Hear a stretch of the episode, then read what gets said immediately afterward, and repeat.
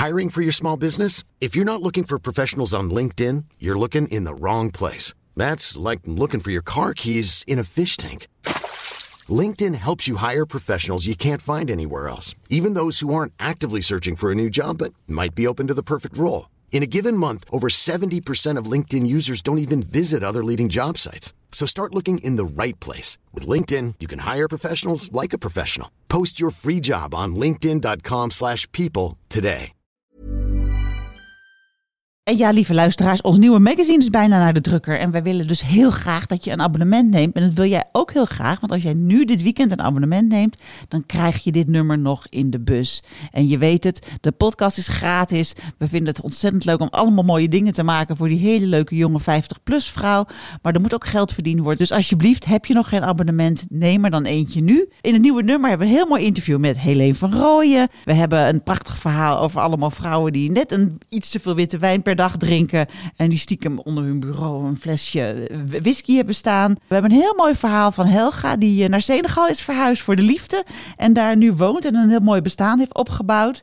We hebben een hele mooie portretserie van allemaal vrouwen die verliefd zijn geworden op een vrouw nadat ze eerst met een man geweest zijn. En die zich eindelijk helemaal thuis en verliefd voelen met hun nieuwe partner. Een hartverscheurend verhaal over een puber die uh, bijna dood ging, die aan, met kanker. Dus, heel, heel vervelend, heel een mooi opgeschreven verhaal. En uh, we hebben een superleuk interview met uh, Debbie uit BNB van Liefde, hoe het met haar en Paul gaat. En we hebben een portret van een vrouw, je gelooft het niet. Een hele leuke zaarvrouw die al 30 jaar manager is van alle grote DJ's van de wereld. En uh, grondlegger is van Amsterdam Dance Event. En die, ja, een fantastisch verhaal is dat. Nou, dus neem een abonnement, alsjeblieft.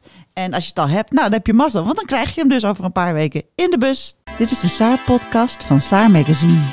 Ja, welkom bij de Saar-podcast. Ja. Yes. En mijn naam is Milou Delen en ik uh, presenteer de komende weken de Saar-podcast. Dit is de tweede keer, vorige week met Saskia Noord.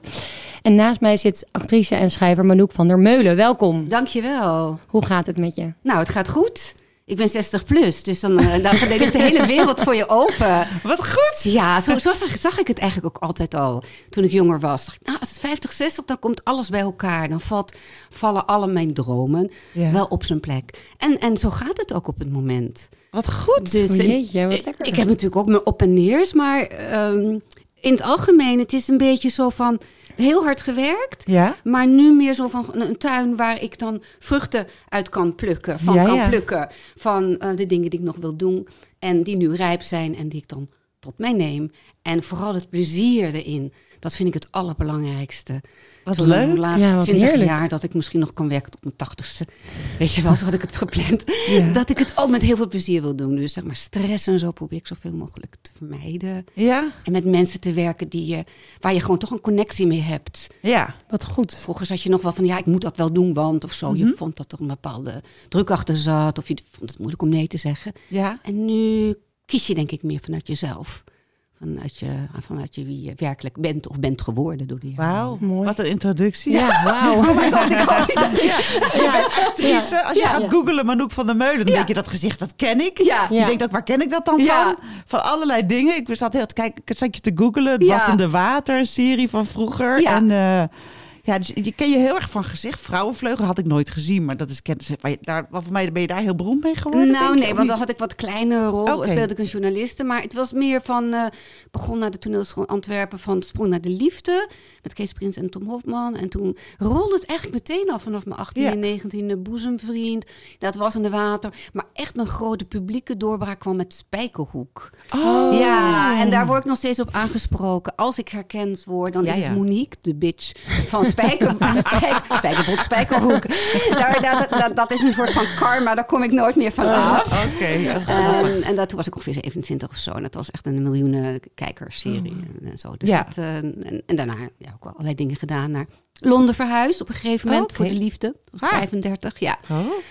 En eh, ja, daar toch aan de slag gekomen, wat ook een wonder was. Ja. Eh, want het is moeilijk, ja, het is zoveel concurrentie natuurlijk. Ehm, toch een, een twee BBC-series kunnen doen en agenten kunnen krijgen. Nou, Ja, Jeetje, wat, Ja. wat een verhaal. Ja. ja. Maar het was niet makkelijk hoor. Het was echt ook. Nee. Ik, ik begon. eh, ik had toen best wel veel geld, als ik gewoon door mag vertellen. En ik heb toen een half jaar in een hotel gewoond op Sloan Square. Nee. Ja, dat klinkt echt heel erg eh, verschrikkelijk natuurlijk ergens. Nee. Heerlijk. Glamour. Ja, met Sloan. Ik was een- Diana. ja, precies, een Sloan eh, Square girl. Ja. En, maar dat, het ging, en dan ging, had ik wel een, een half jaar geld minder. Had ik wel iets goed gevonden op Holland Park, maar dat is ook heel duur. En toen een half jaar naar Notting Hill, weet je wel. Maar langzamerhand, ik heb bij al met al zeven jaar gewoond, ging mijn portemonnee wel omlaag. ook dat ik wel klussen kreeg, maar het was zo ontzettend duur. Duur. Dus Oh. ik ging daar steeds meer naar uh, ja, achterbuurten of uh, minder. Uh, maar dat vond ik ook heel, helemaal Ja, prima. joh, mooi, ja, het is alleen maar leuk en bijzonder.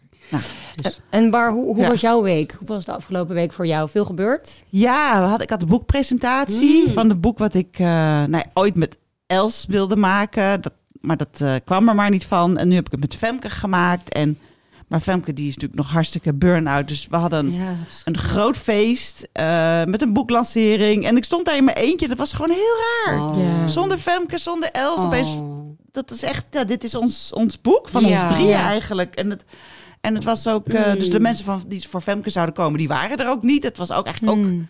gek. Dus het waren Mm. alleen maar mijn vrienden en Mm. Ja. Eh, dus ik voelde zo van een derde van de mensen die er hadden moeten zijn, waren er ook niet. Het was allemaal heel vreemd. ja, ik kan me voorstellen. Ja. Kon, je, kon, kon je het wel een beetje vieren? Of was je... Nou, ik was een beetje robotachtig. van, ja. ja. ja, leuk, leuk, Mm. leuk. Eh, le- leuk dat je er bent, met iedereen Mm. praten. En Mm. Eh, ik had ook gezegd, als het om zeven uur klaar is, dan wil ik ook dat het klaar is. Ik had Ja. een vriendin Oh, ja. gezegd, jij bent mijn buddy, jij slurpt me gewoon hiermee weg. Dat we niet met z'n allen, weet je wel, nog gaan lopen sippen. Dan gaan we gewoon heerlijk uit eten. Nou, en dat hebben we gedaan. We hebben Oh. ontzettend gelachen. Ik was wel, eh, ja, nou ja, het was heel erg leuk, maar eh, nou, ik vond het wel pittig eigenlijk. Ja. want Femke zou eigenlijk eerst nog even komen, toch? Ja, ze Maar- zou komen. Maar de dag daarvoor was ik bij haar thuis. Want ze wou samen de toespraak eigenlijk schrijven. Ja. Eh, dus ik dacht, "Wel, ik ga nu naar Femke. Dan gaan we samen de speech schrijven eh, voor morgen. En toen eh, kwam ik aan en toen deed ze open. En ze keek me aan en ze schudde zo van nee. Dat trek Oh. ik gewoon niet. Nee, Nee. wat gaat gewoon echt niet goed. Nee. Dus eh, dat was eigenlijk meteen duidelijk. Toen heb ik afspraken gemaakt voor de Mm. komende maanden. Mm. Dat ze tot januari eh, gewoon thuis blijft. Hmm. En wel wat redactiewerk doet, dat vindt ze leuk. Gewoon twee uurtjes per dag of zo Ja. vanuit huis ehm saar doen. maken. Ja. Dus eh, Zagen jullie het eigenlijk al aankomen of zo? Of hoe- hoe- eigenlijk niet. Nee. Nee. Zij Nee, ja, zelf ook achteraf niet. Nee, zij kan je zeggen, nee, zij, nee, het was echt boem, Oh, opeens. Ja, Ja. het is wel vervelend. Achteraf kan je wel zeggen van, nou ja, er waren wat tekenen natuurlijk. Ja. En het heeft veel te maken met haar eh, autistische zoon, die, Oh, oké. ja. eh, die een school heeft, dus speciaal onderwijs, waar ook personeelstekort is. En dat dreigt hij de hele tijd een beetje thuis te komen te Mm. zitten. En dat is de hele opgave zou dat zijn. Eigenlijk die stress ja. was Ja. echt de hoofdoorzaak Ja, eh, ervan. Dus niet de ja. jongetjes zelf, maar de... Dat- Hele dat alles situatie. eromheen, Ja. het plaatje eromheen. Ja. Is zo, eh, Ja. Wat verdrietig. ja. Echt heel verdrietig. Ja, dus dat. En dan vandaag verschijnt eh interview met mij NRC. Oh, wat goed. ja. Gefeliciteerd. Ja, heel leuk. Maar Ja. het was toch weer, ik ben toch weer flap uit geweest. En op een gegeven moment heb ik iets gezegd van... eh, die vrouw die vond ons te randstedelijk. En dan ging ze, ble- bleef ze een beetje op duwen. En op een gegeven moment Oh. dacht ik van... Ja, nou ja, eh, als je een podcast wil luisteren over boerinnen in Assen... dan eh, zoiets had ik gezegd. En nu staat er natuurlijk weer... Oh my god, ja. Oh, dus je denkt dat iedereen moet zo Assen... oppassen. Grote inderdaad. quote, ja. Ja, heb ik je wat- die, die doelgroep weer eh, verkeerd aangepakt, gekwetst. Ja, oh Ja, maar het God. bedoelde echt alleen maar te zeggen van... Ja, eh, wij als- zitten hier en wij doen het van onszelf. Met Ja. ons eigen, wat wij kennen en weten en doen. Ja. En vanuit daaruit. Ja, en toen Ja. zei ze, denk je dan dat iedereen in Assen een boerin is? Weet je wel? Toen Oh my ik, God. nee, Oh, nee. En, en ik had zoiets van, nou, ik, ik heb het gezegd, dus ik moet niet lullig doen. En toen werd ik er vandaag schrok ik er Ja. opeens weer wakker van. Denk, oh, dan gaat iedereen weer boos worden. Dat bedoel ik helemaal niet. Ik bedoel te zeggen, als je een Ja. man bent en je koopt saar... en dan- dat je dan zegt van, ja, het is geen mannenblad. Ik denk, nee, dit is geen mannenblad, het is een vrouwenblad. Als je een mannenblad moet je wat anders weten. Dat probeerde ik te zeggen. Ja, Ja, ja, ja, ja. Eh, maar goed, ik weet niet wat de reacties gaan worden. Maar Ah. jongens, eh, iedereen in Assen, het spijt me. Ik heb jullie beledigd. Ik bedoel helemaal niks. meer. Er wonen Nee. hele leuke mensen in Assen. Ja. Hebben jullie zeker. veel Ik- luisteraars uit Assen? Of weet je Ik dat heb niet? geen idee. Nee, We gaan het, we gaan het checken. Maar als je Daar kom je nu wel achter, denk ik.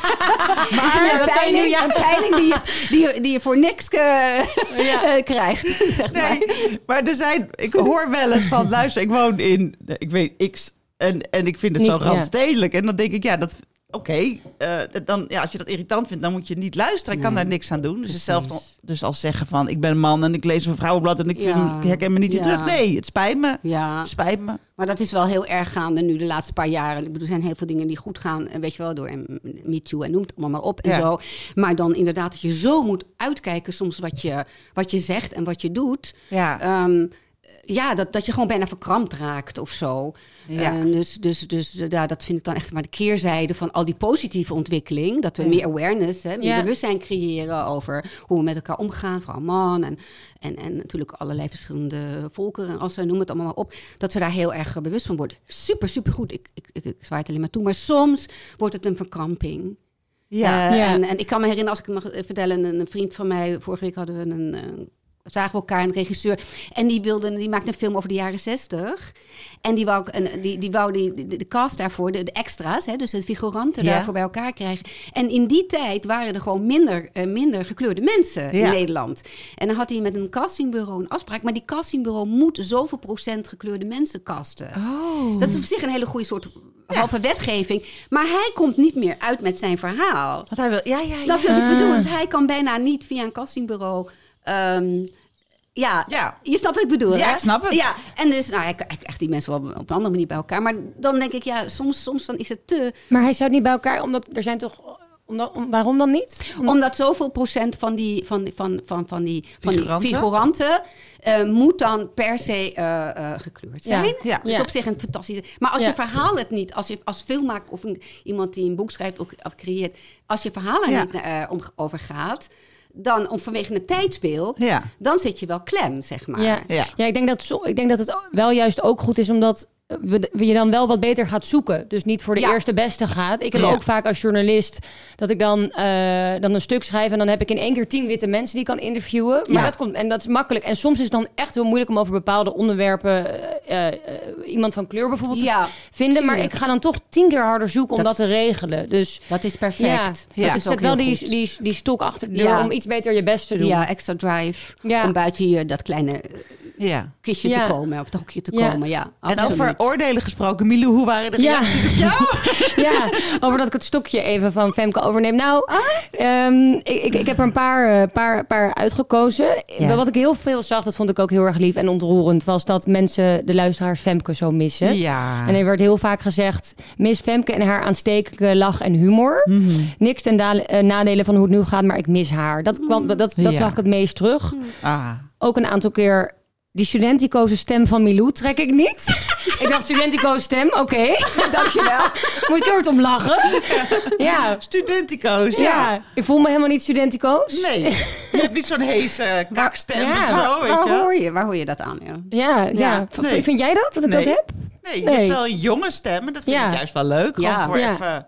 Ja. Want, Een andere ja, kleur ik dacht ook, ja, als ik Femke ga vervangen, dan, die is eigenlijk niet te vervangen. Dus ik doe gewoon iets heel anders. En dus daarom dacht ik aan Milou. Ja. En ehm, Ja, dat vond ik ook wel een terechte vraag die ik vaak terug eh, eh, las van wa- waarom heb je inderdaad niet een interviewer gekozen van eh, dezelfde leeftijd? Ja. Ja, dat is, ik vind ik ook een hele goede vraag en dat weet ik niet zo goed. Ik was gewoon, eh, ik voelde me gewoon heel alleen. Femke die viel weg en ik moest allemaal dingen opeens alleen doen. En ik zat twee keer die podcast in mijn eentje te maken. En opeens dacht ik, er moet iemand bij. En Ja. van wie word ik nou heel blij? En toen dacht ik, van Milou word ik heel blij. Ah, dat en is dat lief. is eigenlijk de enige reden. En eh, ja, ik zeg altijd, Saar moet een plek zijn waar vrouwen van 50 en 60 elkaar eh, kunnen vinden. Zo. En dan doe ik iets heel raars door Milou uit te nodigen. Dat is waar. Ik vind het juist wel kloppen van een jonge vrouw die dan ook weer, weer met andere ogen en een andere beeld, Dat vind ik leuk. zeg maar, naar ons kijkt. Ja. Ja. En nou, weet je wel, wat waar we net over hadden, even over Precies, die, weet ja. je, dan kom je even met een andere hoek.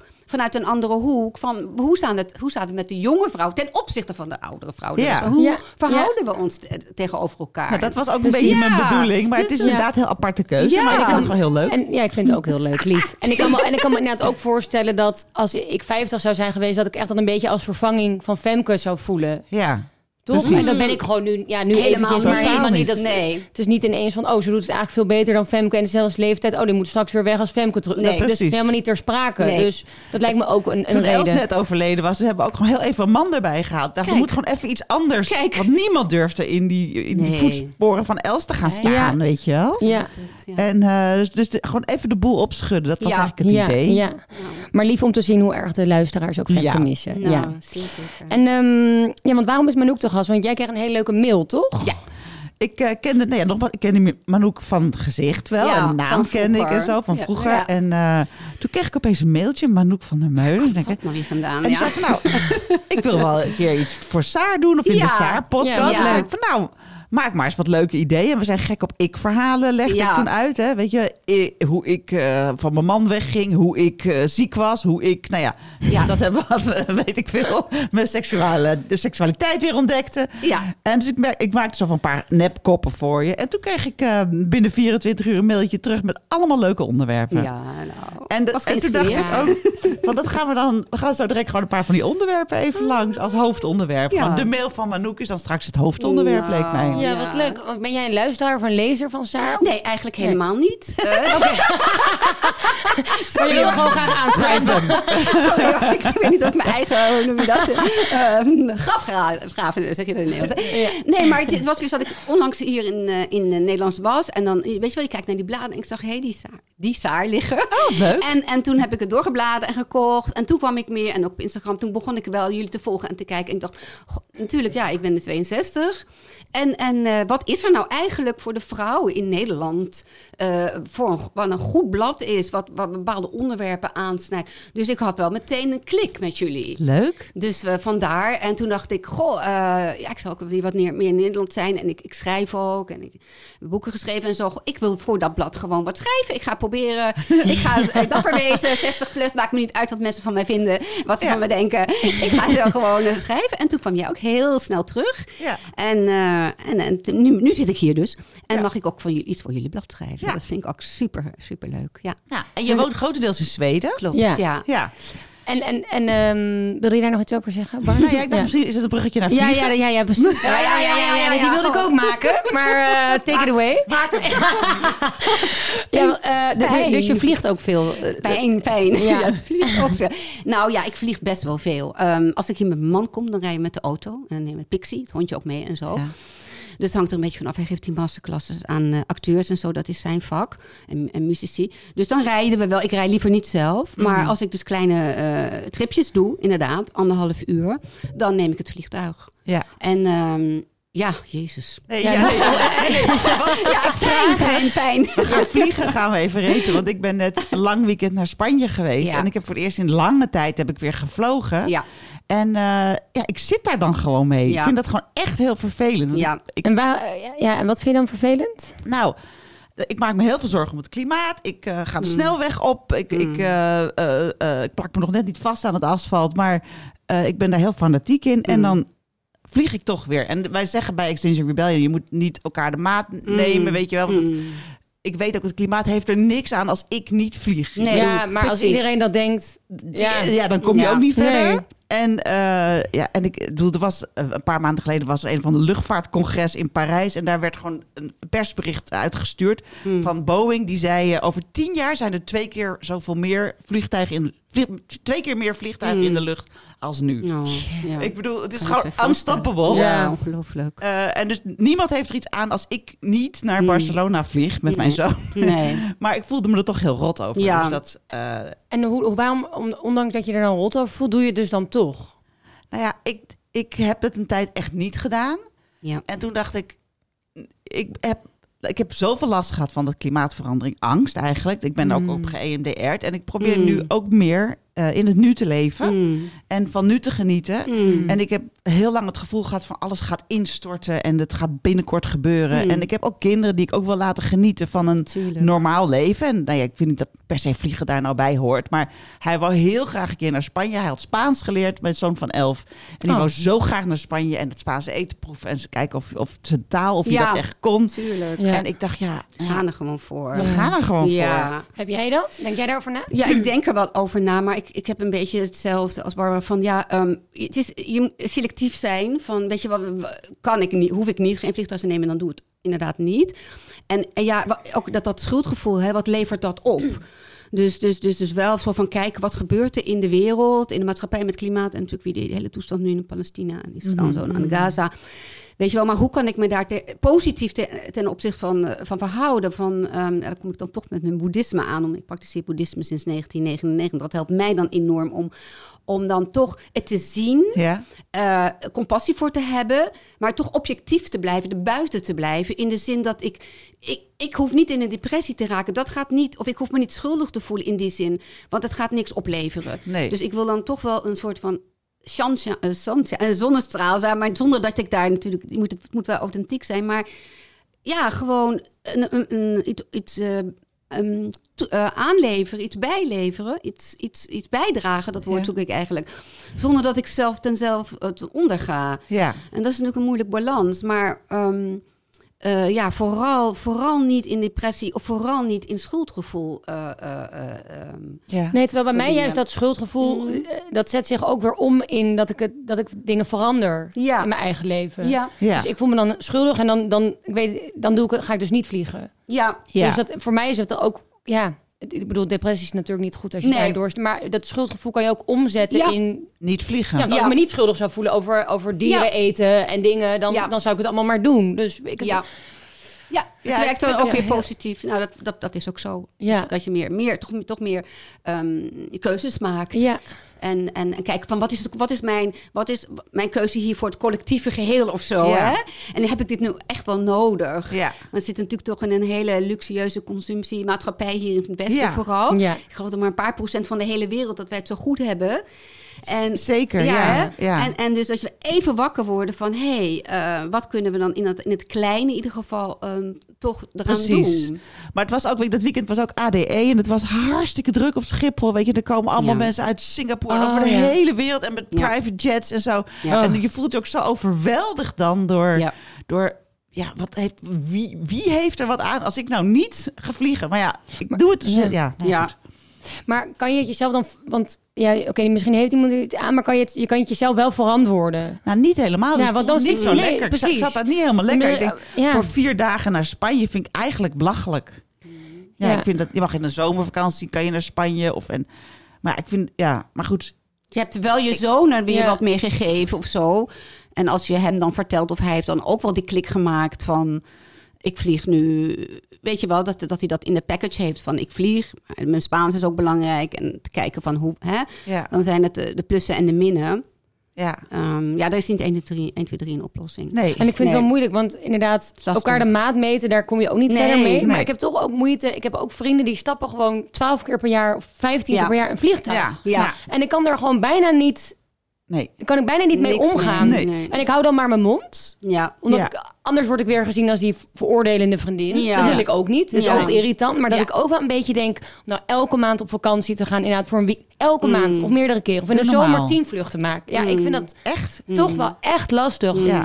Maar wat zegt Extinction Rebellion daarover? Of ja, Ja. wat zeg jij daarover? Ook Ook, ook van, je daar moet ook je ja. aandeel, je moet het in de gaten houden. We zijn het eigenlijk zijn we het er met z'n drieën hier over eens. Ja. Ja, precies. Maar eh, ja, het is echt aan politiek en bedrijfsleven. Daar Ja. zijn de grote veranderingen waar je echt wat aan hebt. Mm. En het moet gewoon veel, veel duurder worden vliegen, zodat we het echt niet meer doen, kunnen, niet kunnen betalen. Maar, als, Ja. maar dat moet dan voor iedereen op de hele wereld soort van Mm. gelden. Mm. En niet alleen voor een paar elitaire mensen in Amsterdam, Mm. randstedelijke mensen. elitaire mensen in Assen. Oh my god. Nou ja, dus Ja. ehm, als, ja, we, als we het zouden reten, wat... wat, wat, wat eh, vliegen, ja, het is natuurlijk een fantastische uitvinding. Hoe leuk is het dat je de hele wereld Ja. over kan vliegen? Maar het heeft zoveel kapot gemaakt. Ja. Dus ik geef het maar gewoon een één. En één? Ja, ik geef het maar een één. Ja, ik weet niet, weet ik veel. Ik, vind het is zeg maar zoveel kapot. Ja. Het is En- heel en jij? Een, cijfer, een cijfer? Ja, Doen en- jullie dat meestal een cijfer Ja, geven? tussen, oh my god. tussen 1, en 10. Ja. Ja, het is heel, het is heel random. Ik had het ook een tien kunnen geven, omdat ik het fantastisch vind. Dat ja, dat hangt vanaf weer van hoe je naar Spanje kan. Ja, precies. Ja. Dat je in een warme zee Um, kan liggen, terwijl het hier regent. Oh, ja. Ja. Ja, Oh. ik geef het toch wel een zeven.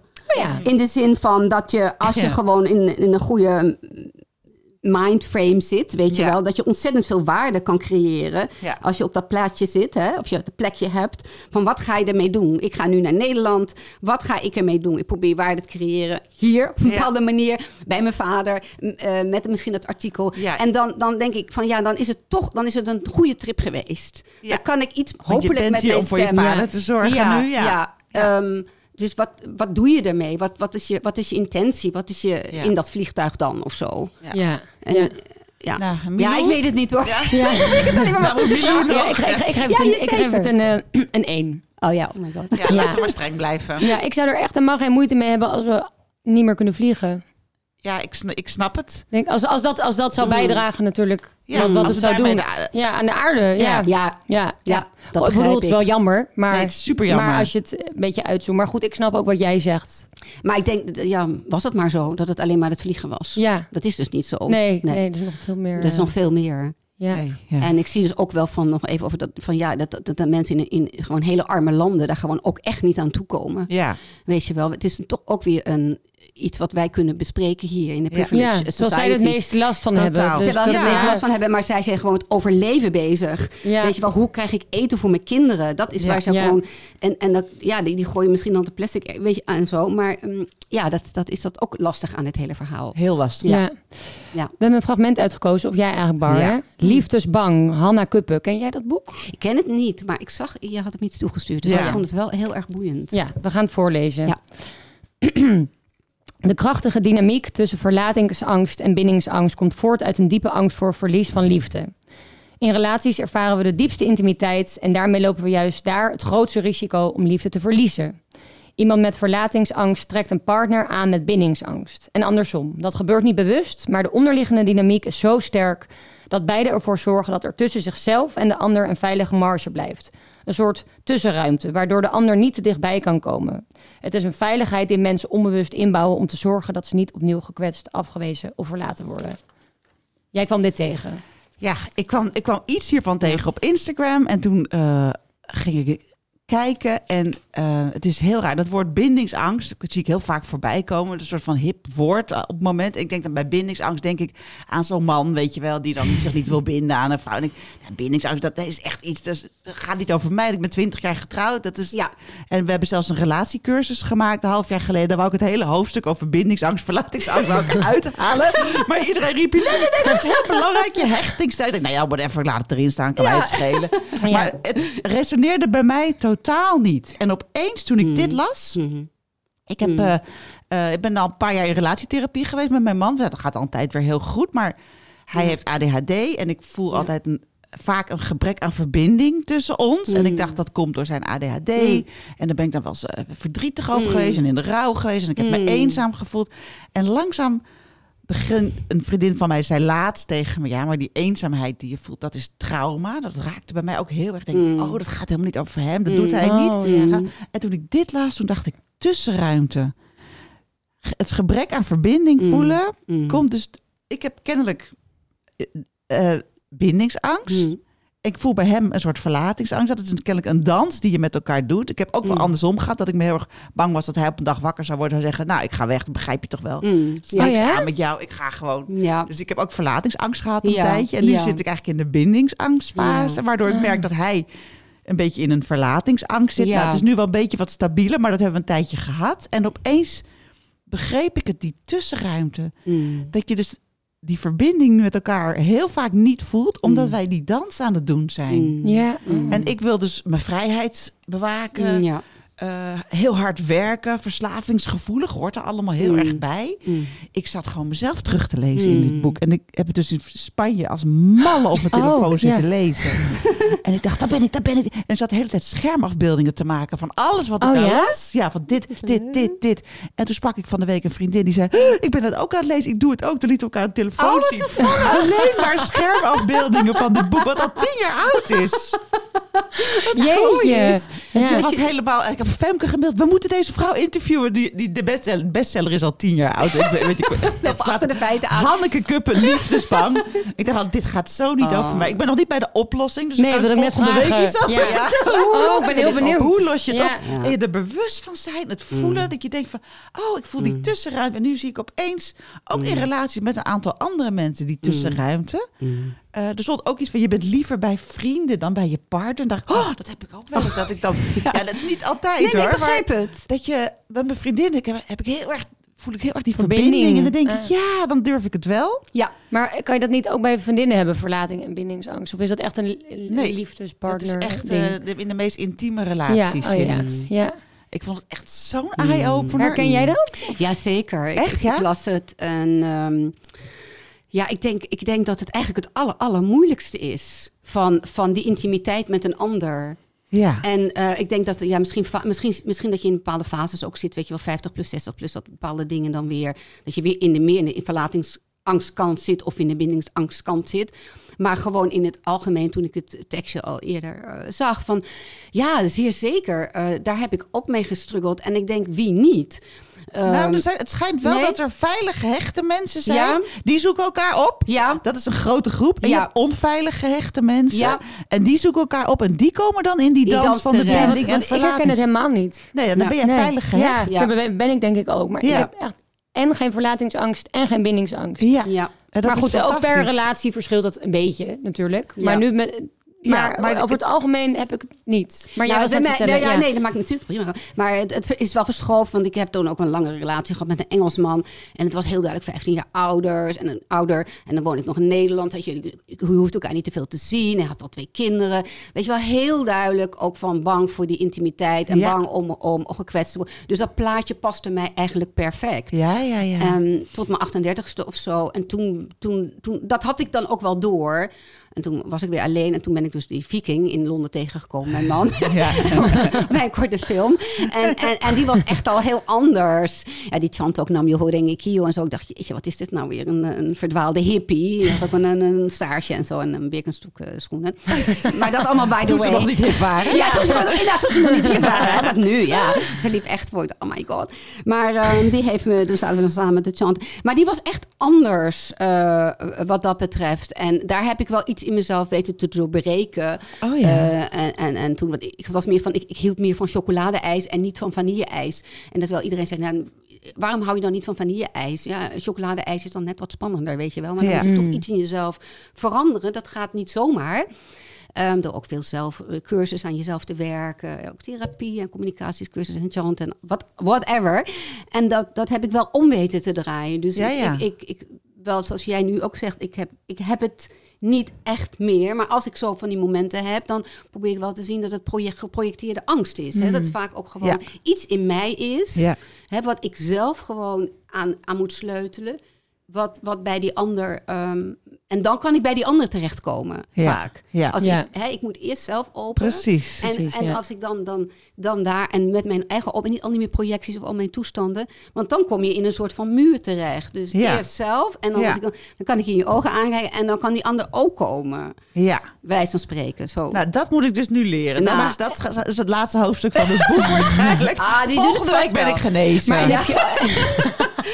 Nee, maar ik denk dat veel mensen er wel mee struggelen. Die intimiteit Ja. met een ander mens. Jij zegt dan dat je met vrouwen dat heel makkelijk hebt. Dat heb ik niet hoor, zo 1, 2, 3 met vrouwen. Ik heb dan vriendinnen, maar dat vind ik met vrouwen zeg maar moeilijker dan met mannen. Ja, Ik ben meer mangericht geweest, altijd twee broers en een sterke vader Ja, en zo. En ook in mijn vak altijd meer mannen. En dat was ook lekker. Dan ging je daar, mannen vrienden, hè, daar heb ik het niet over relaties. Dan ging je dan gewoon mee om. En als je dan drie, week, drie maanden niks van je liet horen, dan was dat prima. Terwijl vrouwen werkt dat heel anders. En als je natuurlijk zusjes hebt gehad of een sterke moeder, dan weet je daar meer mee om te gaan. Maar, Milou eh, heeft allemaal zusjes. Ja? Ja, Ja? allemaal zussen. Ja. Oh, nou ja, wat geweldig. Ja. Dus jij weet het wel. Ik weet het wel. maar over vrouwen gesproken. Ja. we gaan naar het hoofdonderwerp. En dat is Oh. jouw mail. En een van de kopjes daarin... Je kwam dus met een aantal hele eh, boeiende onderwerpen. En een van de kopjes die me heel erg aansprak was... geëmancipeerde vrouwen in Zweden. Ja, Vertel. ja, jeetje, het is altijd eh, lastig om dat een paar zinnen goed te formuleren. Maar Nee, we hebben de tijd. Hoe, hoe lang woon je al in Zweden? Ja. Nou, ik ben begonnen als klein meisje, want een paar maanden. Oh. Ik woonde in Rotterdam, geboren in Rotterdam. En toen kreeg mijn vader een, een, een baan aangeboden met Unilever, in Unilever. Oh, Bij, in Stockholm. Dus ik heb mijn eerste vijf jaar Nou. in Stockholm gewoond. Ah, joh. En sprak er natuurlijk als klein meisje ook. Oh, wauw. ja, Oh, ja, dus het, dat, daar is natuurlijk al een enorme zaadje ge- geplant. Oh. En toen... eh, eh, doe eens wat in het Zweeds. Ja, wat wil je? Ik kan heel goed Zweeds Ja, praten. inga problem voor mig. Jag pratar flytande svenska. Ah. Ja, jag älskar att prata svenska Ja. med dig. Men kanske du förstår också lite grann? Zie. Eller? Ja. Zie. ja, ik uit, het. zie, Zie. ik kom uit Spanje. Heel internationaal. Zie. Zie. Ja. En ehm, goed, dus er was, er was al een basis. Ja. En toen ben ik gewoon naar Nederland weer teruggetrokken. Mijn vader had weer een nieuwe baan. En ehm, ja, toen ik 35 was, naar Londen, Londen verhuisd. En toen kwam ik die viking tegen. Ja, Dus dat was heel raar. Wij maken wel grapjes van, ja, we hebben gezwaaid naar elkaar. ja. Als kleuters in de zandbank. Wel. en toen zijn we eerst naar Nederland gegaan, getrouwd. Heel romantisch. En toen zijn we naar Zweden gegaan. Dat was 2003 of 4. ja.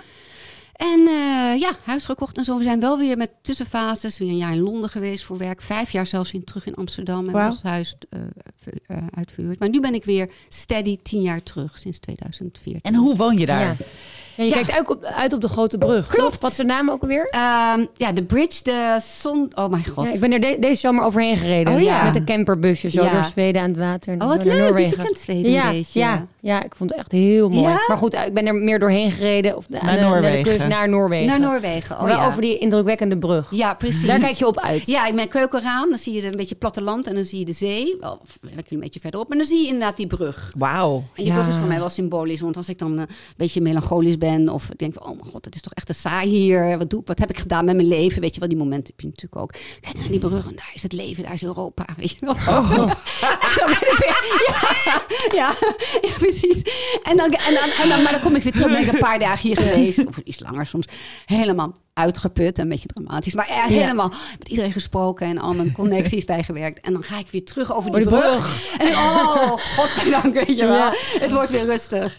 ik kan weer bij mezelf komen. Dus, dus het is eh, ja, op zich wel heel mooi. Maar, maar over die vrouw, ja, die zijn gewoon heel, ehm, heel sterk en heel geëmancipeerd. Ja. En, en wat me e- echt opviel door de jaren heen, is dat de man daar bijna niet aan bod komt. Nou ja, ze, ze zeggen, ja, sorry hoor, ze zijn er natuurlijk.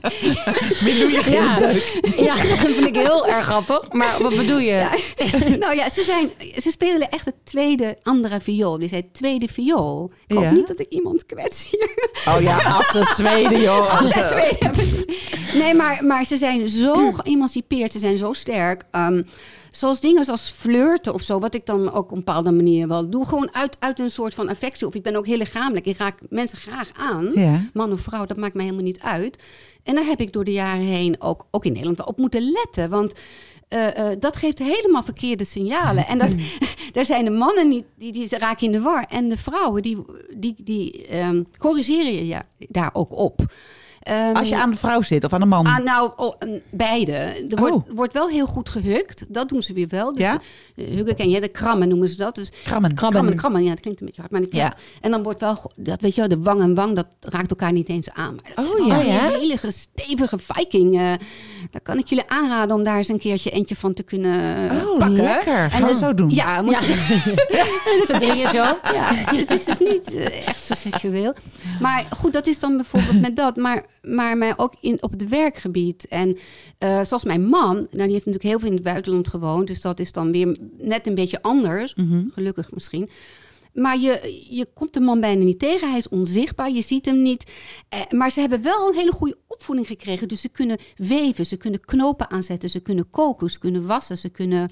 Oh ja? Dus dat, ja, thuis ben ik dus eigenlijk wel een prinses op de ert. Want mijn man doet gewoon heel veel. Dat, Ze Oh. kunnen alles. Huh? Ehm, je hebt natuurlijk wel met, het, met, die, met die kinderopvang bijvoorbeeld. Hè, dat is zo goed geregeld. En dan voel ik ook wel een beetje weer van... Goh, wat heeft de Nederlandse vrouw toch zwaar. Ja. Ik me herinner dat ik wel collega's had op de set en zo. En die werkten dan part-time of die werkte dan aan een klus of zo. Maar al hun geld ging naar een crash of naar een. Ja. wel? Ja, daar kan Nederland echt een voorbeeld Ja, dat begrijp ja. ik eigenlijk nog steeds niet. Want, Ja, eh, en nee- altijd de vrouw die om half zes de deur uit rent Ja. om om zes uur bij de crash. Nou ja, Ja. liever om half zes te zijn. Ja. En dat is dus daar zo goed geregeld. De kinderopvang is gratis. Je mag een jaar. En de man moet daar ook eh vrij nemen. Een paar maanden. Ja. Dus het is echt eh, wetmatig. eh, en dan krijgen ze wel iets minder inkomen natuurlijk. Maar toch. Ja. En, en de kinderopvang is vrij. En er is gewoon fantastisch eten. Ook op scholen. Weet je wel. ehm, eh, tussen de middag. En, dus, dus dat is al. Ik denk dat daardoor kunnen de vrouwen ook gewoon zulke goede carrières neerzetten. Ja, ja. Ja, Langer werken, veel meer krachtig en machtig voelen, zeg maar. En als ik dan hier ook in En zijn ze daar gelijkwaardig in werk of zijn ze juist meer de vrouwen, zeg maar? Nou, dus ik bedoel, dat weet ik niet precies. Ik, gelijk, ik geloof dat ze wel redelijk eh, gelijkwaardig Ja, ja, zijn. Je ja. natuurlijk met bepaalde posities of de man en vrouw bijvoorbeeld gelijk wordt betaald, denk ik. Ja, Dat, je- Ja. ja. dat kan ik, daar ga ik nog even aan, eh, Ja. aan de researchen. Komen we op terug. komen we op terug. Maar het is wel opvallend dat ehm, ja, de vrouw gewoon heel, eh, heel anders daar in de maatschappij staat. Toch? Ja. En voel je je dan, wat, wat voel je dan meer Zweeds of Nederlands als vrouw? Of echt allebei? Ja, ik hang er een beetje tussenin eigenlijk. Ik moet zeggen dat ik, omdat die, daar we het net al over hadden, omdat die man minder aanwezig is, het is natuurlijk misschien ook een leeftijdsding, dat ik veel meer eh, eh, ehm, moest, moest connecten met de vrouw. Ja, ja, ja. Dus voor ja. mij is Oh, het- tuurlijk, ja, ja, snap je? Ja, Ik, ik heb echt de, de, vrouw, de vrouw, of de vrouw in mezelf, veel beter leren kennen. Ehm, bijvoorbeeld als je naar de sauna gaat, ook, ook daar heb je alleen, alleen maar vrouwensauna. Dat heb je natuurlijk ook wel van die dagen. Maar vrouwensauna, sauna, en dan zijn ze ook heel open in hun lichaam. Ja, ja. Er komen heel veel oude, oudere vrouwen, ook 60, 70, 80. Ja. Die gewoon ook heel open. eh, dus ik zeg maar, ik heb mijn eigen lichaam ook gewoon door die, door die eh, Zweedse vrouw veel beter leren kennen. Ze zijn er heel open over, met elkaar ook. Ehm, Wat leuk. Ja, Ja. ik vind het echt ge- geweldig klinken. Ja, heel leuk. Ja, maar zijn er, zijn er ook nadelen ehm, daaraan? Dat de vrouw zo geëmancipeerd... Ehm, nou, wat ik zeg, dat ik soms denk van... hé, hey, dat ik bijna mele- heb- medelijden heb met de man. Dat ik denk, ja, ja, ze worden al heel snel afgestraft als een, een party hebben, weet je wel, als ze met mensen eten of zo. De vrouwen zijn meestal aan het woord en die man die mur- murmelt wat en zo. en als ja, ik overdrijf, hè. Ja. Maar als hij, eh, weet je, die staan altijd zacht of ze gaan ze maar de keuken in en wij vrouwen die gaan helemaal los. Eh, maar die, die- ja, dat denk ik, verdoor, dat is ook niet goed. Ik denk, ja, het, is, het zou fantastisch zijn als je een zoon hebt. Ik heb dan geen kinderen, maar een zoon is eigenlijk moeilijker nog om, om op te voeden dan een, dan, een, dan een vrouw vandaag de dag. Dat een man, we zijn ook onderverdeeld in man en vrouw. Ik denk, ja, zelf ook in ons eigen systeem, daar geloof ik zeer zeker op het zielniveau. Dus dat je, ja, de, de mannelijke kant moet natuurlijk ook gewoon meegaan en ontwikkelen. Ja. En helemaal in de maatschappij eh, goed tot bloei komen. Maar is het niet ook dat jij, jij weet hoe zichtbaar de man in Nederland Ja. is? Dus alsof het lijkt of hij daar heel onzichtbaar is, maar ook vergeleken met Nederland. Ja, nou, en, en dan misschien Engeland, dat heb ik zeven jaar Oh ja, gewoond. nou, dus ja. dat neem ik dan toch wel ook mee. Ja. en veel gereisd. In maar- Engeland zijn mannen wel zichtbaar. Ja, inderdaad. Veel te veel zichtbaar, vind ik. Veel te veel zichtbaar, absoluut. Ja. Dus ehm, ehm, ja, het, het, zijn- en ook televisie, als ik dat nog even mag eh, toevoegen, van als ik hier naar Nederland kom en ik kijk naar de televisie. Ik ben echt in een cultuurshock voor, voor een paar minuten. Van zoveel mannen op de televisie, Ja. in die Ja. talkshows en in de politiek. Het gaat al stukken beter. In, de, in, in Zweden is het ondenkbaar. Alle professoren, alle wetenschappers, allemaal vrouwen. Ja? Wauw. In de politiek meer vrouwen dan mannen. Ja. Ja, nee, nee. Drie mannen zie je. Ja, en anders, anders gaan ze meteen op de, op de brets hoor. Ja? En als ik hier dan in Schiphol aankom en ik zie een hele grote poster van een eh, prachtige donker meisje in, in lingerie voor een bepaald merk. Dat zou niet kunnen daar. Waarom, niet? Nou, dat, is dat, dat zouden zij als, als Seksualisering, seksistisch, seksistisch zien. En ze zouden ze- misschien de donkere vrouw daarin willen eh, ehm, eh, beschermen of zo. Ja, ja. Dus ik zit dan ook echt zo. Dat zijn van een paar van die momentjes. Want ik schakel natuurlijk wel Maar wat voor lingerie-reclames hebben ze dan in Zweden? Wat zie je dan? nou, dan zie je niks. Hè? Oeh.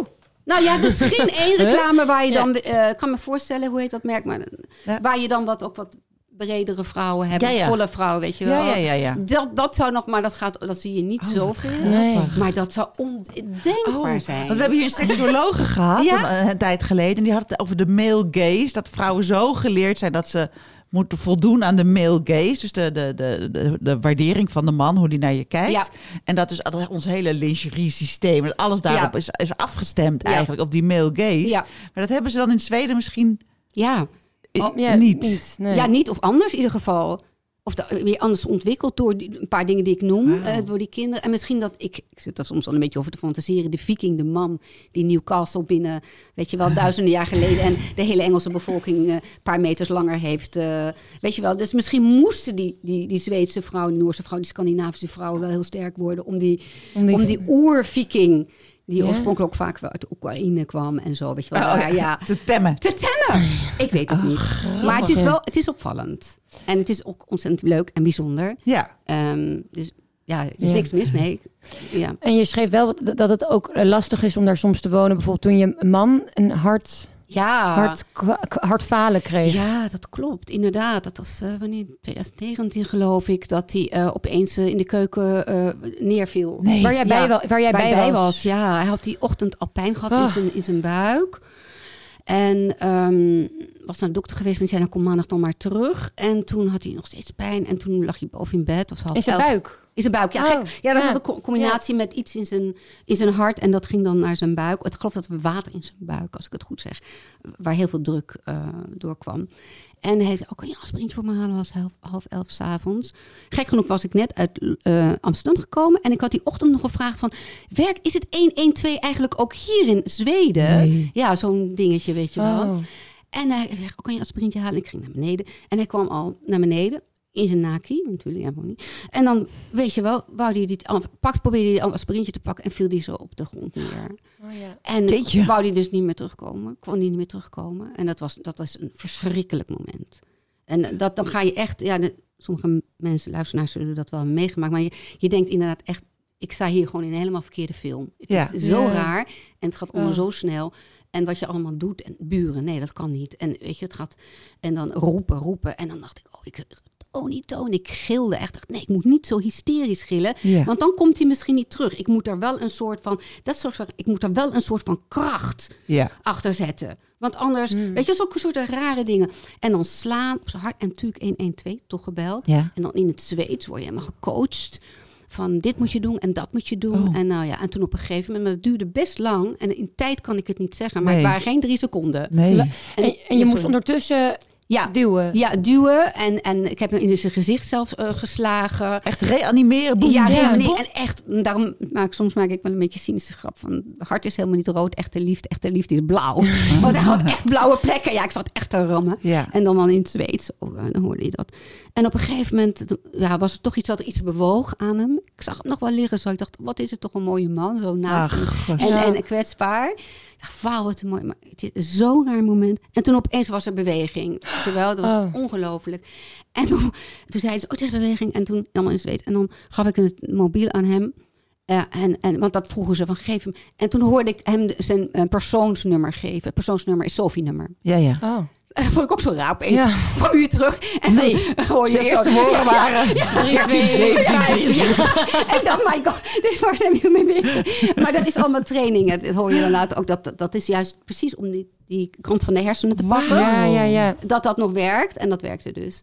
En oh, dan laat hem liggen. Je kreeg hem meteen weer terug. Laat hem liggen. En hij stond al Ja. op. En hij rende me naar boven. Want hij vond het zo koud en zo. Ach, was ja. Maar ja, goed, dat moment was dan in ieder geval een ambulance. Maar en, en zei de ambulance dat jij dat het kwam door jou, eh, door jou slaan?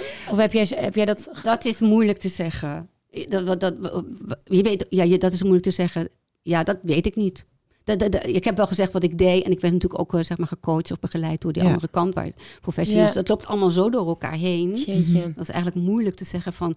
En ik heb verteld, maar niet dat ze van, oh ja, nee, mijn vrouw, u heeft echt u, haar- zijn leven gered. Dat hebben ze niet expliciet tegen mij gezegd hoor. En heeft hij het gezegd tegen jou? Ja, Ja. Ja. natuurlijk. Maar hij had wel zoiets, het was ook een beetje, hij had wel zoiets van, eh, ja, het was zo fijn en lekker daar. Oh, ja, echt? Dat hoor je wel vaker. Ja, dat hoor je Ja. vaak. Maar dat Ja. lijkt me ook weer fijn, want dan ben je Ja. misschien ook weer minder bang voor de dood. Ja, Was, misschien was hij helemaal niet bang. Maar dat Nou. lijkt mij lekker dat je dan denkt, nou... Ja, het was wel een soort be- bevestiging van hij zei. En, hij- en hij hoorde wel zo'n beetje geschreeuw en gerommel en drukte daar in de verte. Maar dat Dat ik was dus- jij. ik kan ook druk zijn. maar dat, eh, en hij had wel zoiets van: hey, ik wil eigenlijk helemaal niet terug. Weet je Oh, dat? nee. Ja? Ja, ja. ja. dat, dat hoor je vaker. Ik sprak Ja. toevallig ook vorige week nog een vrouw die dat zei. Van, ik Ja? wilde helemaal niet terug. En die was gewoon 19, had een auto-ongeluk Ja? gehad bij het café bij mij om de hoek. En die zei inderdaad van niet, dat, Nee. dat ze ook niet gered wilde worden.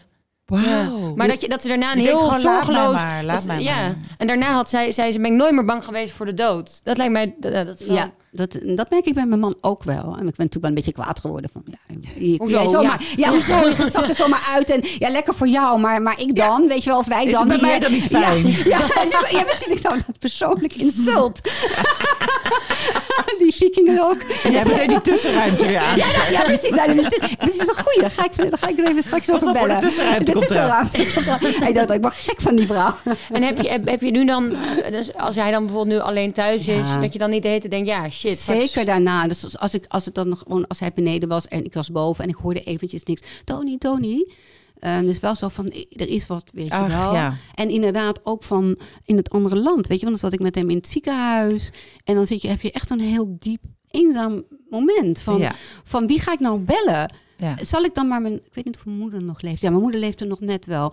Eh, Zal ik mijn ouders dan... Maar dat is, gaat toch heel Ja, ja. oer. Mijn ouders of de ouders van hem. Of welke vrienden heb ik eigenlijk in? Ja. Weet je wel, je zit daar... En ik kon ook niet mee. Ik, mo- ik mocht daar niet bij zijn wat ze gingen onder... Dus ik wi- wist eigenlijk begon nog niet hoe ernstig het was. Nee. Hij was alweer terug, maar ik wist niet van... waar, wat, wat is nou eigenlijk aan de hand? En Ja. dan zit je daar helemaal midden in de nacht alleen... in zo'n verschrikkelijke... in het ziekenhuis. Dus dat, was wel, dat zijn wel van die momenten van... eh, ook wel goed of zo, om dan weer dat echt te voelen. Ja. ik vind het ook goed om eenzaamheid te voelen. Eh, gewoon van, ja, eenzaam te zijn en eenzaam te voelen. Dat vind ik ook wel een, goe- een goede emotie op zich. Ja. Dan ga je ook wel weer dieper. Of dan ga je weer appreciëren als, ja, als diegene er weer wel is. Ja, ja. Bijvoorbeeld. Ehm, zo, dus dat soort dingen. Maar eh, ja, dat... eh, En had hij een, was het, eh, heeft, hij- had hij een slecht, of heeft hij een slecht hart? Ja, het- precies. Dus er zijn, eh, eh, eh, hij heeft nu eh, hij heeft inderdaad een fladder. Ik weet niet precies hoe ik dat dan weer in het Nederlands moet zeggen. Maar een, iets van out of rhythm is een hart. Het is genetisch. Zijn vader had het ook. Aha. Oh, Dus Mooi dat- woord. Fladder. Ja, fladder, hè? fladder. Ja. En hij heeft nou al negen eh, schoks gehad. Dus dan zetten ze. Dus af en toe Oh, gaat ja. het weer terug. En dan zetten ze een soort elektriciteit op zijn. eh, Oh god. Ja, en dan komt hij weer thuis en dan is hij wel weer blij. En dan heeft hij allemaal pleisters. wel Oh. heel erg viking hoor. Laat hij zo'n borst zien. en de pleisters op. maar ik ben wel Ik lang ben blij. wel benieuwd. Ja, ik wil, ik wil het net zeggen. willen wel een foto. Ja, ik ik zie wel een Dat een op. viking. Voor de kijker in Assen op luisteren. Oh nee, nou maak ik er iets van. Nee, maar ehm, ja, dus dat, dat is al wel een soort van... Misschien dat hij nog een keer geopereerd moet worden. Om Ja. het in orde Ja. te maken. Dus het is niet levensbedreigend, maar het is wel iets waar hij de, de rest van zijn leven mee te maken Ja. heeft, Ja, zeg maar. ja. Ja. En dan over die eenzaamheid. Misschien is het eigenlijk mooi, uh, Miloes taak. Maar jij, Nee, jij hebt geen kinderen. Nee. Heb, je er, heb, heb je bewust voor gekozen? Of? Nou, bewust toch. Ik had wel zoiets van vroeger van ja, oh ja, twee meisjes of zo. Weet je Mhm, wel? Dat, mhm. dat, dat, hoorde toch wel bij een beetje bij het plaats, plekje, een plaatsje. Plaatje. Plaatje, dankjewel. Ja, plaatje. Plaatje, dank je. en, ehm, maar ja, wat ik al zei, ik had dan een relatie met een, iemand in Engeland die al ouder was en kinderen Ja. had. Weet je wel, ik, ik had dus niet blijkbaar zo'n behoefte. Want dan hoor je van, van vrouwen van Ja. ja, die, die, die, die oorgevoel. oergevoel. Ja. En dan zeggen van ja, ik wil gewoon kinderen, of anders nee, eh, ga, ga ik een relatie afbreken en uit, maak ik het uit en dan zoek ik wel iemand die dat wil. Dus dat had ik absoluut niet. En ik zag ook heel duidelijk van hoe mijn leven, ook mijn leven inrichtte. Dat was ook heel veel reizen en heel veel werk en zo.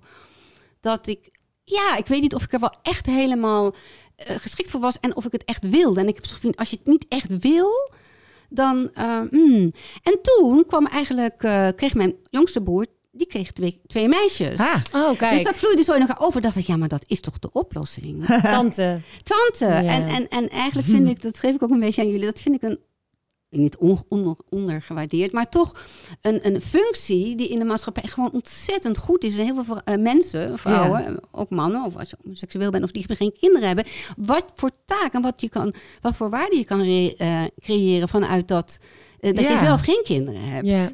Wat Want- emotioneert je echt die meisjes volgens mij als ik zo naar je Ja. kijk. Oh. Hoe oud zijn ze nu? Eh, nou, nu zijn ze al wat ouder, 28. Oh. oh, wauw. Ja, Ja, dus Net zo, ja, zo ben ik. Ja. Ja, Samira, die is Oh, net ja. 28 geworden. Ja. En Bente, die is 30. Ah.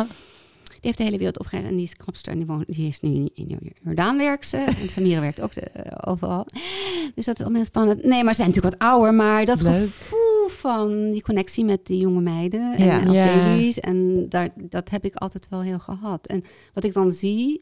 eh, ja, jij hebt geen kinderen, denk ik? Nee, maar ik ben ook tante. Oh, je Van, bent ook eh, tante. Ja. mijn zus heeft een kindje van eh, drie, Kees. Ja? En ze sliep bijvoorbeeld gisteravond bij mij. Ik kwam Nou. ze logeren. Zo gezellig. Zo lief. Vanochtend om half zeven, tante! En dan zo, nou ja, ik vind het echt, ja, ik, ik vind het echt heel bijzonder ook om Heel tante te bijzonder. zijn. En dan, je krijgt vaak ook meer, vooral in de puberteit en zo... dan krijg je toch veel meer te horen dan misschien die moeder. Ja, ja, precies. En ik, ik zie ook gewoon, ehm, ja, dat moet jij maar, maar invullen. Maar ja, ik zie ook gewoon die, tuurlijk, die, die oerangst als moeder van dat kan er gebeuren, dat en dat en dat. Dat heb ik ook wel een beetje als, als tante hoor. Maar dat is natuurlijk gewoon heel zwaar. Ja. En, en al die fases die je doorgaat. En, Ja. en het is zo'n spiegel, het is zo'n confrontatie ook eigenlijk. Ja. Eh, hoe mooi en ook intens en intiem. Mhm. Ik me kan voorstellen dat een kind eh, hebben is. Ja. Ja. Dus ik, ik wil er niks op afdingen. Maar om, om dat dan niet te hebben, maar juist net die andere ingang. Ja. Eh, ja, het heeft mij gewoon heel veel gedaan en heel veel opgeleverd. Wat mooi. Ja. Ben jij tante? Of? Ja. Ik Oh. heb een, eh, een, een veel jonger zusje en die heeft een kind van twee. En er komt nog een baby aan. En Oh. eh, dat vind ik ook heel leuk als Louis bij ons komt logeren. Mm. Hoe heet ze? eh, Louis heet het jongetje. Oh, oh, oh, hij, ja. Ja, en ehm, dat is altijd heel gezellig. Dan leggen Thomas en ik leggen het kind gewoon tussen ons in. En dan blijven we de hele dag wakker. Dan kijken we alleen maar naar Ja. Louis. Ja, En dan gaan we weer naar Artis en zo. Dat vind ik echt heel leuk. Oh, ja. bijzonder. Ja, dat vind, ik, dat, ja, dat vind ik echt super superleuk. Dus omdat wij zoveel schelen in leeftijd, is het ook wel heel grappig. Eh, ik weet niet of ik ooit oma word van die jongetjes van mij. Geen idee.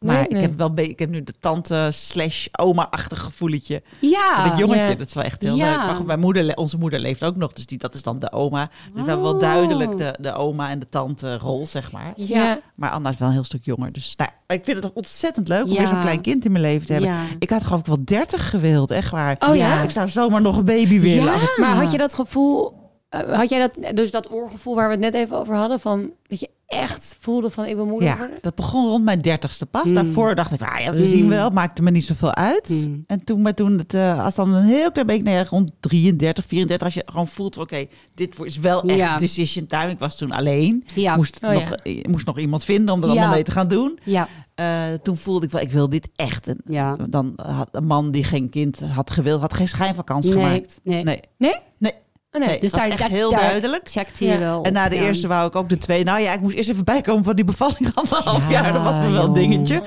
Maar toen wou ik ook wel gelijk de volgende. Dat lukte niet, lukte niet, lukte niet. Heel veel IVF gehad. Ik wist echt heel zeker, ik wil er echt nog heen. Dapper, Ja. En dus daarom heb ik, eh, nou ja, er zit dus veel leeftijd tussen mijn kinderen. Ja. De oudste is bijna 18 en de jongste is dus 11. Oh, Ja, Dus dat zijn twee heel verschillende fases. Ja, En, dat eh, is Ja. ook wel een heel bijzonder. Ja. Ook, ja. En ik ben ook nog steeds zo eh, dankbaar dat, eh, dat hij gekomen is. En dat was ook. Mm. Hij is uiteindelijk in Spanje gemaakt. Want er was Oh. heel veel IVF en alles. En op een gegeven moment. Nou, dus eh, dat was ook een beetje een reden om naar Spanje te gaan. om met Ah. hem daar te Ja. zijn. En ik ben daar ook in dat dorpje geweest toen ik net een miskraam had gehad. En toen was jong. Nou ja, dus het was ook een soort van round-up daar Ja. van een eh, fase die al heel lang geleden eigenlijk Ja. geweest is. Ja. Maar die heel indrukwekkend geweest is ook. Dus dat vliegticket Nou, dat vind vliegen, ik, mag ik echt, ja, dat heb je nu Ja, zo. joh. Ja, kom Helemaal goed. Helemaal ja, het is dubbel, dubbel goed. Had het meteen verteld dat jij daar nog het meteen ja. over hebt. Mijn god, Het ja. was heel bijzonder om met hem daar te zijn. En ik denk, een wauw, hij is gekomen. Hij is Ja. er. Ja, wat En mooi. eh, dus, nou ja, maar goed. Maar jij, ik ben een beetje nieuwsgierig. Wil jij kinderen? Want Ja, ben, je, ja. ben je met, ja, nog toch wel, ja. Ja. Ondanks Maar de heb- toestand in de wereld en zo. Ja, Ja, nou, daar denk ik wel veel over na. Ja. En Ja. ik heb niet dat oorgevoel. Nee. Ik heb niet zo van, oh, dat, dat, dat, dat, dat, bijvoorbeeld dat mijn zus eh, heeft dat wel en dat had Ja. mijn moeder ook. Nee, ik, dat heb ik niet. Maar ik heb nu een vriend, een partner, drie jaar. En daar woon ik mee, me- nu net sinds drie weken mee samen. En met hem, ja, met hem heb ik dat wel echt heel erg. Ja. Ja, Nou, ja. Ja. Maar volgens mij kan ik er ook mee leven als het niet gebeurt. En sommige vrouwen hebben dan echt Ja. van, daar kan ik niet mee leven. Dat heb ik niet. Dus ik ben wel er een beetje tussen, tussenin volgens mij. Ja. Ja, Ik kreeg het op een gegeven moment van, Ja, misschien ik komt kan er dat- niet mee ja. leven als dat niet gaat gebeuren. ja, misschien komt dat nog en misschien heb ik juist... Dat, nee, maar nu... Ja. eh, nee, Ja. ik denk dat, dat ik het... eh, Sta je er wel goed in? Sta je er wel lekker relaxed in? ja. Zonder te veel druk en ja. nou. Ja. Oh, Manouk, we willen nog Ja. één verhaal Ja. van jou horen. Oh, ja. Van je vader Oh ja. Ja. die verliefd is Ja, geworden. God, Je een- vader van 93. De romance, hè? Ja, ja, ik had het, ja, precies. Dus die is eh 93. En die is, eh, dat was dus afgelopen jaar was het wel een beetje een rollercoaster. Want hij, eh, nou, mijn moeder is drie jaar geleden overleden, vlak voor corona, Wauw. 2019, t- 2020. Dus die zat natuurlijk alleen. Hij had heel erg goed voor mijn moeder gezorgd, met thuiszorg erbij. Maar toen zat hij opeens alleen in een mooi groot huis. Maar ja, dat was best pittig. Ja. En dan ben je in 90 was hij toen. Eh, ja, en, mijn, mijn, en ik woon in Zweden. En mijn oudste broer kwam nou wel iedere dag. Weet je wel, mijn jongste broer ook twee of drie keer per week. Lief. En dan ook nog, ja, dat was echt fantastisch. Daar voelde ik me ook natuurlijk heel blij mee dat de jongens zo ontzettend hard werkten. En, ehm, en dan de thuiszorg ook. Maar ja, je bent toch 90 en, en al die dingen. En, en ook de- vooral de nachten, de avonden dan alleen. En hij heeft best wel veel vrienden, maar toch. En het verwerken van het verdriet natuurlijk van je vrouw. Hmm. En alles. En op een gegeven moment, toen in januari, die- toen stortte hij in. Toen had hij een- blaasontsteking. En toen is hij naar het ziekenhuis gebracht. En eh, nou, dat zag er allemaal helemaal niet goed uit. Überhaupt dat je dan 93 bent en het ziekenhuis Mm. uitkomt, is eigenlijk altijd op zich een wonder. Ja. Ja. En eh, nou goed, dus dat was heel duidelijk, naar thuis kan dus niet meer. En toen zat hij in een soort van, eh, ehm, ja, een tijdelijke oplossing eh, bij hem in de buurt. ehm, een verzorgingstehuis, maar dan kon hij revalideren, maar dan kon hij niet echt blijven. Ehm, dus hij wou daar graag blijven. Dus het was ook, weet je wel, en ook wel echt expressief en, en dood willen en euthanasie, weet je wel. Er waren Hmm. heel erg op en neers. En op een gegeven moment moest hij dus daar weg in die, in die revalidatie. En dan stond hij wel op de wachtlijst, dus wie wie weet. Dat was ook wel moeilijk. Maar toen zei ik, oh, toen zei ik nog tegen hem als een grapje. Niet dat ik het heb veroorzaakt, maar toen zei ik, oh nou, je- ga nou maar, weet je wel. Want wie weet ontmoet je de liefde van je leven. Oh ja? Als een soort van opsteker gezegd. Nou, En eh, nou, dus toen is hij in Bloemendaal een heel mooi eh, verzorgingshuis terecht. Maar het was toch een beetje, ja, ik wil terug naar die vorige. Wanneer is die wachtlijst? Bel nou, bel nou. Nou, en hij speelt ook piano, jazz. Dus er is ook een hele mooie piano daar in het eh, restaurant. En dat speelde hij iedere dag. En toen eigenlijk was er een vrouw die al heel erg eh, daar, ja? daarop eh, op viel, zeg maar. Die dat leuk vond en altijd met, kwam rennen. En eh, nou, de, echt sinds een paar maanden nu, denk, of zes weken of zo, is het dan inderdaad officieel aan. En we zijn ook betrapt in de lift, dat er dus ook inderdaad lipstift op, eh Oh, ja? zit. Ze zijn iedere dag bij elkaar. Ze doen alles samen. En mijn vader ligt daar vaak in, in, in, in haar kamer even op, een, op, een, eh, op het bed te rusten. Ze zijn ook heel stil, weet je, dat zij gewoon blaadjes zitten lezen. Ze eten altijd samen.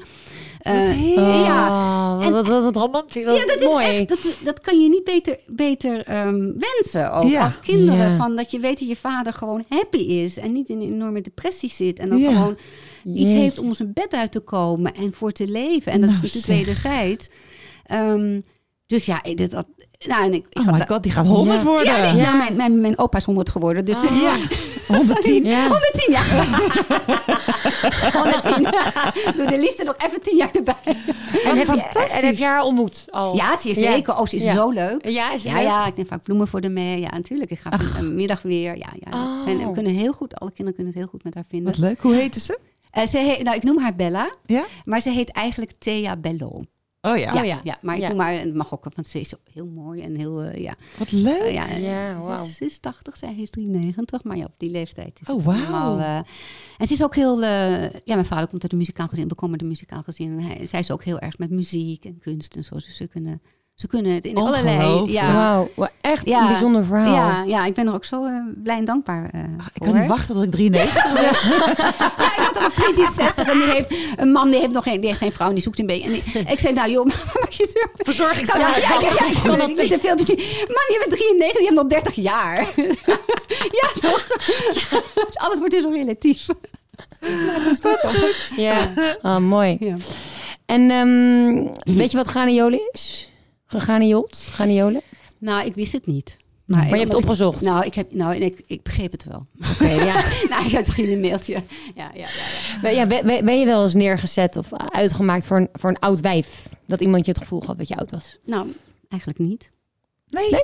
wat grappig. Ja, ik, ik, misschien is het eigenlijk Je niet. energie. Ik weet het niet. Nee. Maar, maar ik, er wordt wel eens u tegen me gezegd. Maar in, in Zweden heb je geen u. Ja. Zoals in, in Engeland heb je you. Oh Je ja. weet Ja. natuurlijk niet wanneer dat u is. In Ja. natuurlijk heb je dat Ja. natuurlijk wel. Ja. En eh, ik, weet, ik heb best wel veel Surinaamse vrienden zo, die zeggen ook vaak u tegen ouders en tantes. En zo vind ik eigenlijk best wel leuk ook. Ehm, dus dat gebeurt wel eens in Nederland hier u. Ja. En dan moet ik wel even zo niet, maar ik voel me er niet totaal niet door. eh, maar ik vergeet altijd hoe oud ik ben. Ik denk misschien ook weer door kinderen. Je hebt ook geen idee van roosters en herfst. En nee, ik, ik zit in een soort van bubbel. Wat dat betreft, ik heb geen idee. Wat lekker joh. Ja. Eh, maar nee, ik, ik heb nog nooit. eh, nee, Nou, nee, nee. Of ik zit zo in ontkenning dat ze ook weer kunnen. Ja, je hebt gewoon een bord voor je kop. Ja, jij, ma- jij maakt het vaak mee. Ik word de hele tijd gegaan, niet altijd. Maar ik Hoe ben er heel gevoelig voor. Hoe dan? Nou ja, ik heb, ik weet, ik heb honderd Ja? voorbeelden in de pot. Ik weet het nu even niet, maar dat je, dat je het gevoel hebt. Oh ja, ik heb bijvoorbeeld een Pilateslerares van begin 30. En ik denk dus altijd dat wij dus gewoon hartstikke leuk met elkaar zijn. We gaan naar wijnbarretjes Ja. samen en la la la. En dan soms hebben we gesprekken, dan is het toch weer van het heeft over even kinderen of zo. Dan zegt ze, oh, you can be the granny, weet je wel. En dan, Oh. eh, of, dan, of dan vertelt ze dat hoe leuk ze het vindt om oude mensen Pilatesles te geven. Ja, maar dat 50, begrijp ik. 60 plus. En dan denk ik echt, ah. Begrijp ik, ja. Aha. Ja, ja, Nee, ja, nee. ja, ja, ja. Nou, ik zal wel doof, een beetje doof zijn. Ik Ja, niet. ik, heb, ik heb haar ontslagen. Oh, zo. Je hebt ze ontslagen. Hoe doe je dat? Ik, doe- ik heb een nieuwe personal trainer Oh, op die manier. Oh mijn god. Luistert ze naar dit programma? Is dat niet vrouwonvriendelijk? Nee, ik ben gek op haar. Ah. Nou, wat, wat, wat was een leuk gesprek. Heel Ja, leuk, dankjewel ja, Manouk. Zeker. Heel Er leuk. zijn wel drie eh, drukke types bij elkaar. Ja, alle, alle drie ADHD'ers, toch? Ja, ja, zeer zeker. Maar goed, dat geeft ook weer wat, hè? De kracht van de Ja. ADHD'er. Ja, Precies. Ja. Ik denk dat de luisteraars nu helemaal kapot Ja, zijn. Ja, in bed. uitgeput. Ja. We gaan lekker dutje doen. Ik hoop dat jullie Ja. de volgende keer een rustige gast hebben. En niet de NRC lezen. Nee. Niet, niet boos op me zijn, jongens. Stuart liefst. En ik hou van assen. Ja. Nou, dankjewel. Doei. Bedankt hoor. Dankjewel.